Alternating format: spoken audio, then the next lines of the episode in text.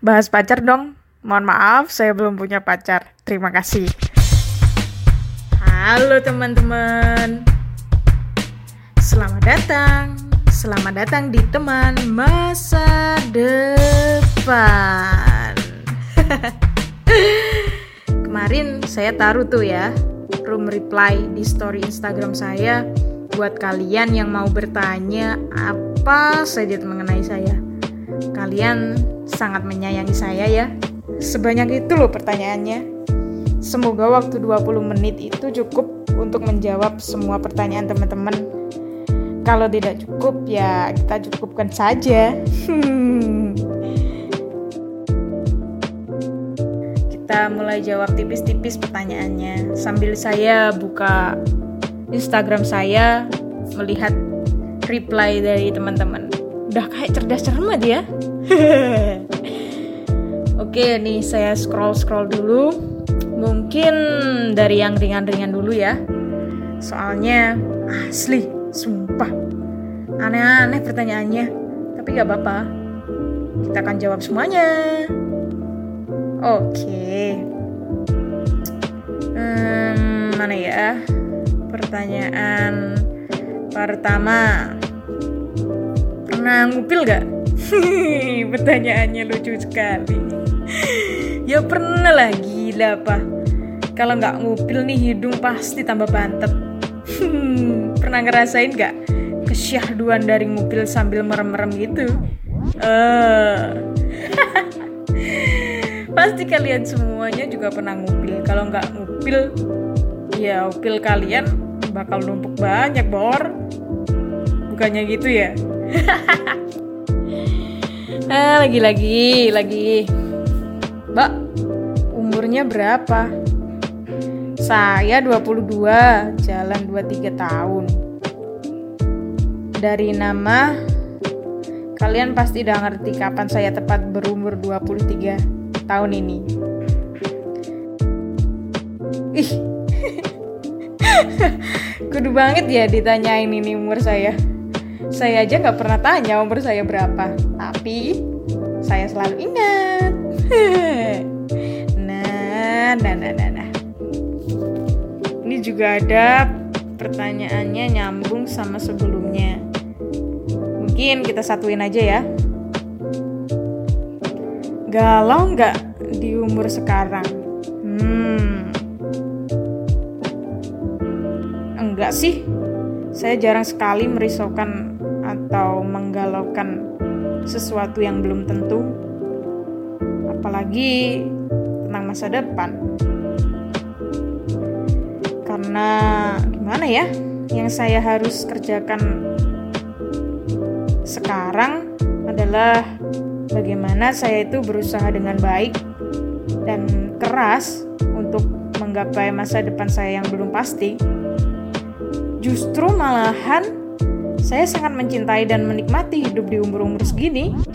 Meskipun tidak terkira adanya tekanan, tapi saya menikmati semua itu.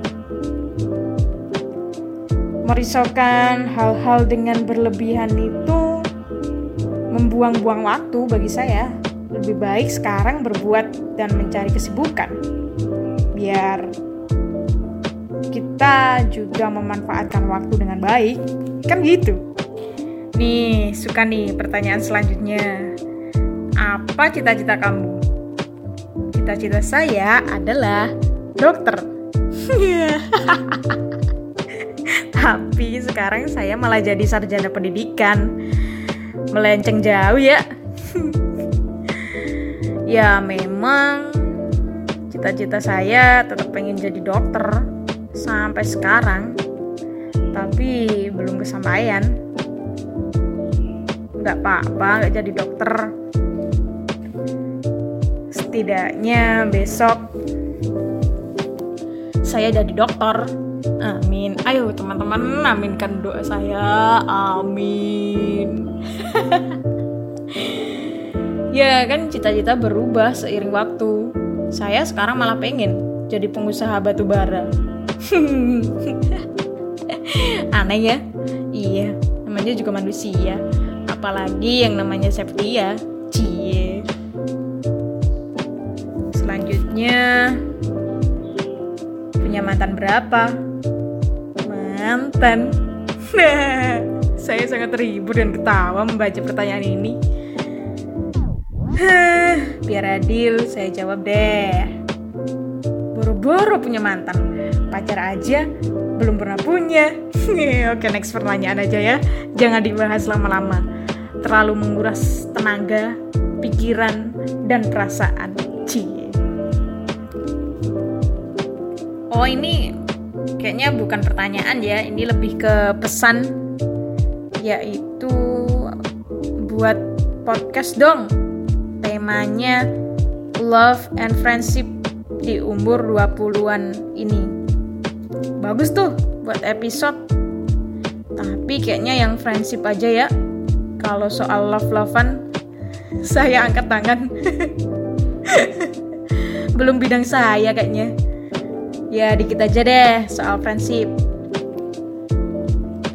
Friendship itu disebut hold in every sad and glad, trust in every time, and all of that doing together. Persahabatan itu saling memeluk saat sedih maupun senang. Percaya setiap hari, tapi kalau belenjani kepercayaan temannya, itu udah beda lagi guys. Guys lagi udah beda lagi teman. Dan semua itu harus dilakukan bersama. Tidak satu orang saja. Biar sama-sama take and give kalau itu semua bisa dilakukan perfect lah tapi balik lagi deh kadang ada masalah namun ya baiknya segera diselesaikan dan kembali membangun hubungan persahabatan yang lebih erat lagi. Biasanya semakin persahabatan itu punya masalah yang banyak atau ditimpa masalah yang banyak, persahabatan itu lebih erat lagi. Boleh banget ini dijadikan episode, tapi pasti saya akan menghabiskan banyak waktu dalam bercerita. Expert banget nih kalau soal ini.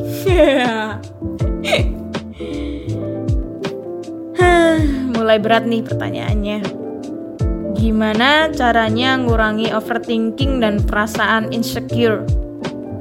Gimana ya? Asli berat nih. Ngurangi overthinking ya nggak usah dipikirin. mikirin yang lain aja yang bahagia-bahagia gitu. Cari aja kesibukan lain yang bisa nguras pikiran. Seperti ngerjain matematika teka-teki silang. Saya kadang begitu kalau kepikiran sesuatu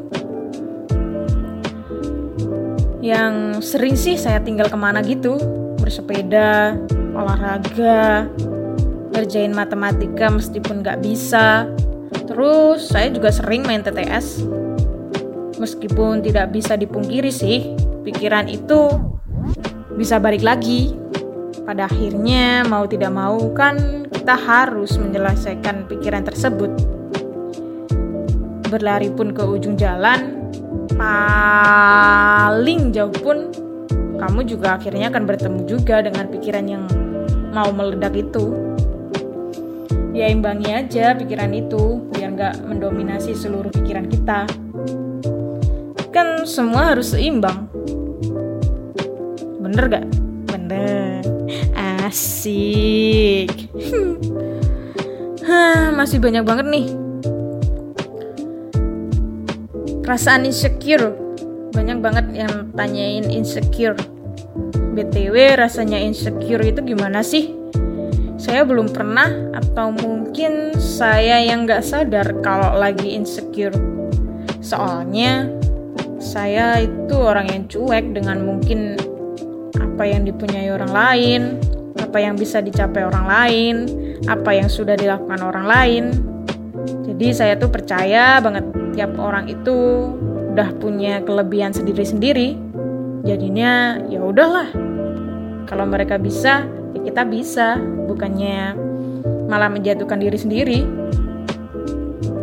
inget banget kemarin-kemarin saya pernah baca seutas tweet dari teman saya SMA bahwa orang itu memang ketika sudah mencapai kesuksesan atau pencapaian besar dalam hidupnya, dia itu akan terus berusaha untuk melampaui lagi apa yang ada di atasnya.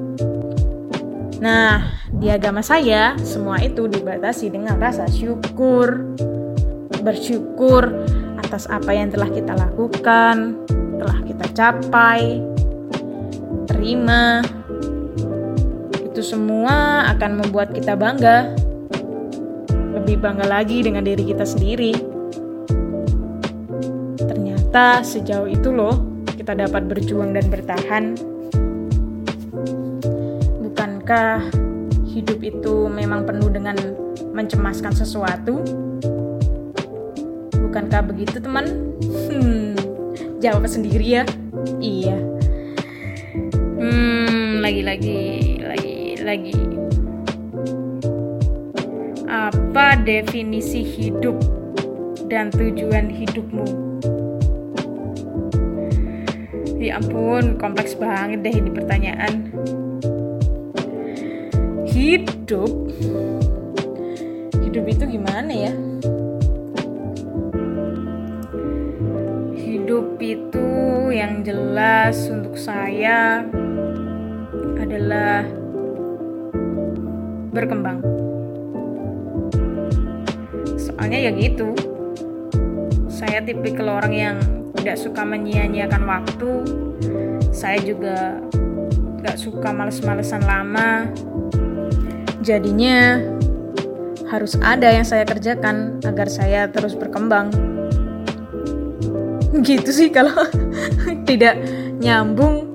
Maaf ya teman. Soalnya susah. Kemudian definisi tujuan hidup. Tujuan hidup kayaknya sesuatu yang kita nggak pernah tahu ya.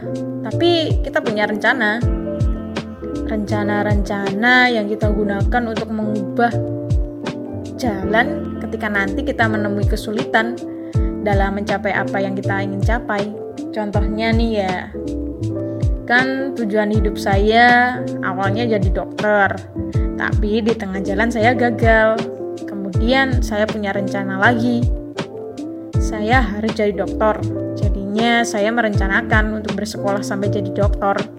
Begitu tujuan hidup memang kan kadang berubah. Ya karena kita nggak tahu tadi. Nah susah men jawab ini. Ah ada pertanyaan kapan menikah? Astaga nih ya yang saya khawatirkan muncul juga. Saya pasti akan menikah ketika nanti Tuhan telah mengirimkan seseorang untuk saya. Married is not about you walking your happiness, but sad too. Wong ya, saya kadang masih suka tidak dapat melalui kesedihan saya dan saya masih terus belajar. Ya, jadi saya masih harus banyak berdamai dengan kesedihan-kesedihan saya selanjutnya. Juga tentang marriage about you understand yourself well before you ask someone to know all about you.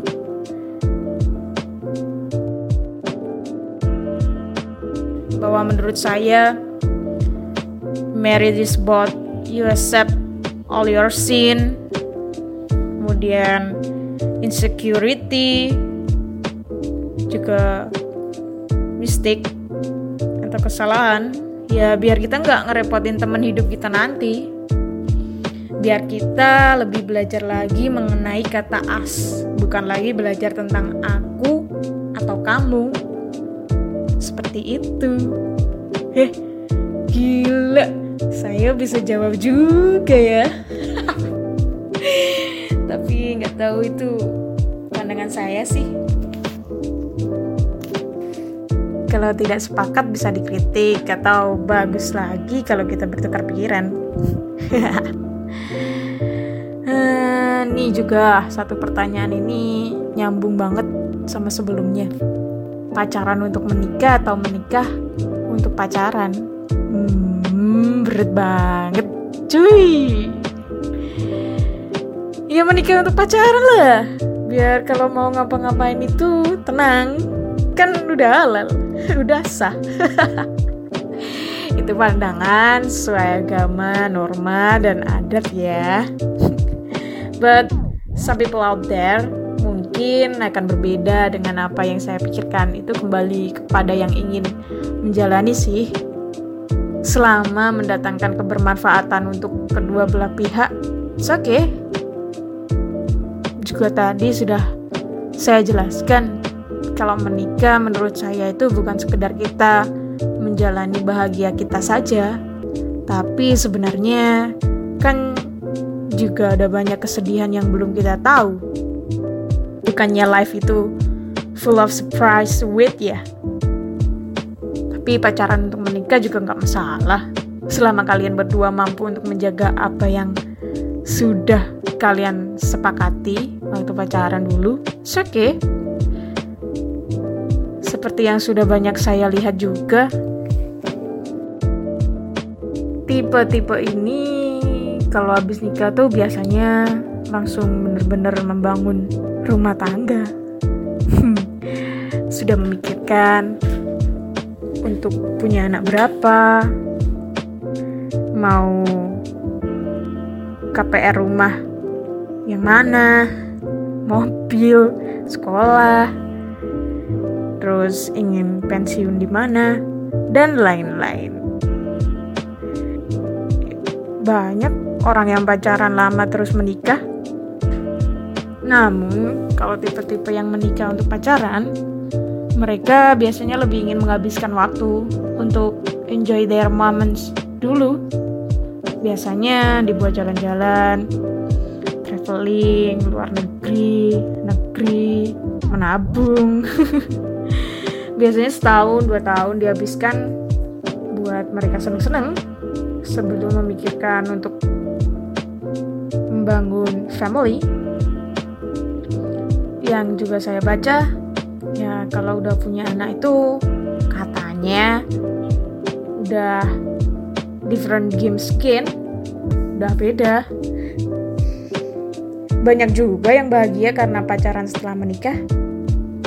Ya hopefully what we choose is the best choice lah untuk kita ingat nikah itu is about us bukan lagi aku atau kamu.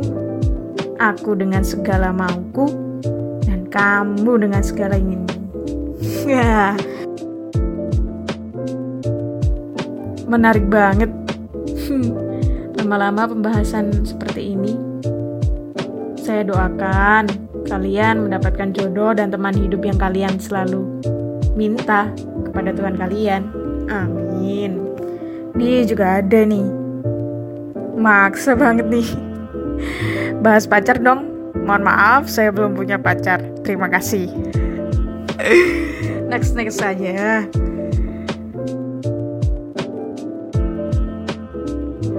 Kamu benci dirimu sendiri saat saat saya sakit. Karena sakit itu kita tuh nggak bisa ngapa-ngapain. Badannya diinfus suruh minum obat. Tapi baiknya saya jadi lebih banyak beristirahat dan juga mengasihani diri saya sendiri. Saya tuh masih suka bandel jika disuruh istirahat. Saya jarang sekali bisa banget ngerasain badan capek. Susah soalnya emang ya. Soalnya saya tuh hiperaktif. Jadinya kayak nggak punya capek aja. Saya capek itu bisa ditandai kalau saya udah sakit. Berarti kalau saya sudah sakit, beneran tuh. Saya udah ditegur sama Tuhan yang Maha Esa untuk istirahat. Padahal ya, saya itu kalau istirahat selalu nggak kurang-kurang dari 7 sampai 8 jam. Namun mungkin ya perbandingannya beda sama ketika kalau saya udah berkegiatan, apalagi kalau udah olahraga. Saya juga jarang banget yang namanya stress, overthinking, atau hal-hal lain yang mengganggu istirahat saya. Saya cukup baik dalam stress management dan kawan-kawannya itu. Cuek aja. Perihal bangkit dari kegagalan Mbak Septi Cerita dong dulu Mbak gimana? Cie waduh. Ini saya baru berumur 22 Belum cocok banget kayaknya ya Kalau ngomongin soal masalah ini. Pengalaman hidup saya itu baru 20 tahunan. Belum ngerasain banyak juga soal hidup ini. Cie Tapi mungkin saya akan bercerita mengenai kegagalan saya waktu bersekolah Iya nggak apa-apa cerita dikit dah. Dari SD ke SMP saya tuh pemilih berbeda dengan pilihan teman-teman saya. Saya pergi ke kota untuk menempuh pendidikan pertama, eh menengah pertama saya. Beda sendirilah ketika udah diterima sendirian, gak ada temen, asing, banyak dibully. Mungkin dibulinya karena mungkin saya dari desa ya, logat saya tuh medok banget, sering diolok-olok Terus SMA ada mulai nih drama ditolak di sekolah favorit pilihan pertama, tapi pada akhirnya diterima di SMA favorit kedua. SMA favorit satu kabupaten Ngawi tuh. Gagal dulu baru diterima. Nah ini paling banyak dramanya tuh waktu daftar-daftar kuliah tuh gagal senam PTN, SBM, sampai mandiri itu saya juga masih gagal. saya gagal jadi dokter. Dari awal tuh saya memang mendaftar untuk jadi dokter di universitas top lah ya di Jawa Timur dan semua gagal. Sampai mandiri pun saya juga masih jalani biar saya itu bisa masuk ke dokteran. Saya masih gagal juga dan rasanya seperti bingung sendiri, risau melihat teman-teman udah pada keterima. Tapi untungnya nggak terlalu mikir banget. Jadinya ya cuek aja, cuek lagi. udah mentok tuh. Akhirnya saya memutuskan ikut mandiri di Unisa. Eh keterima. Dan itu semua tidak saya duga jurusannya pun juga nggak saya kira-kira. Awal-awalnya tuh kuliah masih males banget. Ya karena masih ambisi banget jadi dokter tapi sampai di semester semester 4 saya ketemu dosen yang membantu saya berkembang. Saya mulai mengikhlaskan seluruh ambisi saya mulai menerima serta banyak bersyukur sampai saat ini ya masih bersyukur. Coba kalau beneran saya keterima kedokteran, apakah mungkin saya bisa kadang sebulan itu bisa diajak untuk berbagi ilmu ke sekolah-sekolah juga menebar banyak ilmu yang mungkin bisa buat kita sama-sama belajar. Kemudian juga apakah mungkin saya dapat mengembangkan hal-hal yang terpendam di hidup saya seperti hari ini semenjak itu mata saya jadi terbuka lebar dan mulai kuliah dengan serius. Cie. Kita tuh punya jatah gagal kita sendiri-sendiri. Semakin mudah dihabiskan, semakin peluang kamu di masa depan itu akan banyak yang membuahkan hasil yang baik. Semoga saja. Jangan takut gagal. Jatuh ya bangkit kembali. Hidup kamu ya tentang kamu sendiri, bukan tentang orang lain. Lirik lagunya Hi-Fi tuh yang judulnya Jatuh, bangkit kembali. Cie. Bagus tuh lagunya bisa didengerin teman-teman semuanya. Atau kita nyanyikan bareng-bareng biar kita tambah semangat lagi. Boleh nih kayaknya saya juga lama udah nggak nyanyi lagi. Nanti kalau false, mohon maaf ya, karena udah jarang nyanyi nih. Ntar. Oke, saya akan carikan dulu lagunya. Mana ya? Hi-Fi. Oke, ini nih ketemu. Sikat. Asik ya teman-teman, kita nyanyi semuanya. Dari semua. Masalah. Saya gak hafal ternyata. Cobalah. Kau hadapi dengan senyuman dan pikiran karena pelaut hebat tak pernah lahir di laut yang tenang hei kawan. Teruslah kau berjuang. Kita semua boleh jatuh tapi harus bangkit bangkit bangun kembali. Kita semua boleh jatuh tapi harus bangkit kembali kita semua boleh jatuh tapi harus bangkit bangkit bangun kembali kita semua boleh jatuh tapi harus bangkit kembali Cie, silakan nanti teman-teman bisa didengarkan lagi. Judulnya Jatuh, Bangkit Kembali. Oke.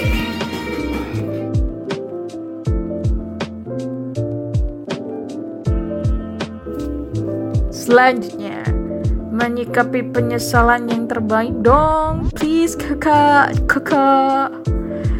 Ha, penyesalan. Penyesalan apa dulu nih? kan penyesalan banyak yang jelas menyesal itu boleh tapi nggak boleh sampai menyalahkan diri sendiri apalagi sampai kita menyalahkan orang lain ya karena pada akhirnya mau tidak mau kalian harus menerimanya kan kalian tidak mampu merubah hal apa pun di masa lalu tapi kalian bisa merubah hal yang mungkin membuat kalian menyesal di masa lalu untuk di masa datang. Dengan apa? Dengan bijaksana lagi untuk melakukan sesuatu biar tidak terulang kembali. Kita sikapi aja sesal itu sebagai pembelajaran kita untuk lebih lagi jadi pribadi yang dewasa, yang bijaksana, jelas bijaksana ke dirinya sendiri ya. Hmm. Kangen Malioboro nggak? Kangen banget. Banyak cerita yang manis, asem, pahit. Sun lah kembali untuk mengulang masa itu. Masih trauma sama lapangan nggak? Apa kabar punggung? Udah sembuh total kah? Cie, tidak saya sudah tidak trauma, saya sudah kembali berolahraga lagi seperti biasa. Punggung ya bersyukur sudah baik-baik dan sudah tidak merasakan sakit lagi. Bersyukur banget. Punya temen yang tosik gak? Banyak. Tapi ya udahlah, jadikan pelajaran aja. Kita kan juga berhak untuk menjadi dewasa mereka itu juga bagian dalam hidup kita yang membantu kita untuk jadi lebih bijaksana lagi. Terima kasih. Makanan yang tidak disukai. Apa ya? Yang jelas adalah makanan pedas. Mungkin untuk sebagian orang makan pedas itu bisa menambah nafsu ya. Tapi untuk saya makanan pedas itu membuat makanan yang saya ambil di piring itu jadi gak enak buat dimakan. Ya rasanya bubrah.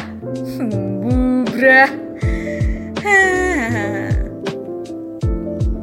Penyanyi Indonesia sama luar yang disuka saya suka semua penyanyi lokal kita. Ya soalnya saya suka dengerin musik dan saya suka seluruh genre musik sih. Selama bisa masuk telinga ya oke okay. Bagus berarti untuk didengar. Kalau luar negeri the most itu Adele sih. Seneng aja setiap nyanyi sama denger lagunya dia. Kerasa banget sampai ke palung hati palung hati? Dan ini masih banyak pertanyaan-pertanyaannya. Mungkin kita sambung di lain episode selanjutnya ya. Mohon maaf teman-teman yang pertanyaannya belum dijawab karena memikirkan pertanyaan ini semua juga butuh pemikiran dan menguras tenaga, pikiran dan perasaan juga. Nanti kita sambung deh di lain episode dan dan dan dan di lain kesempatan. Sampai bertemu di lain episode teman. Salam sayang untuk kalian semua.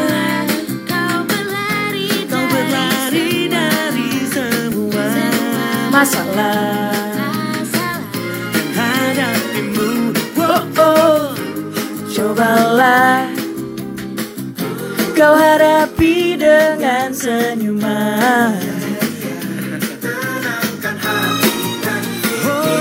Karena pelaut hebat tak pernah lahir di laut yang tenang. Hei kawan, teruslah kau berjuang.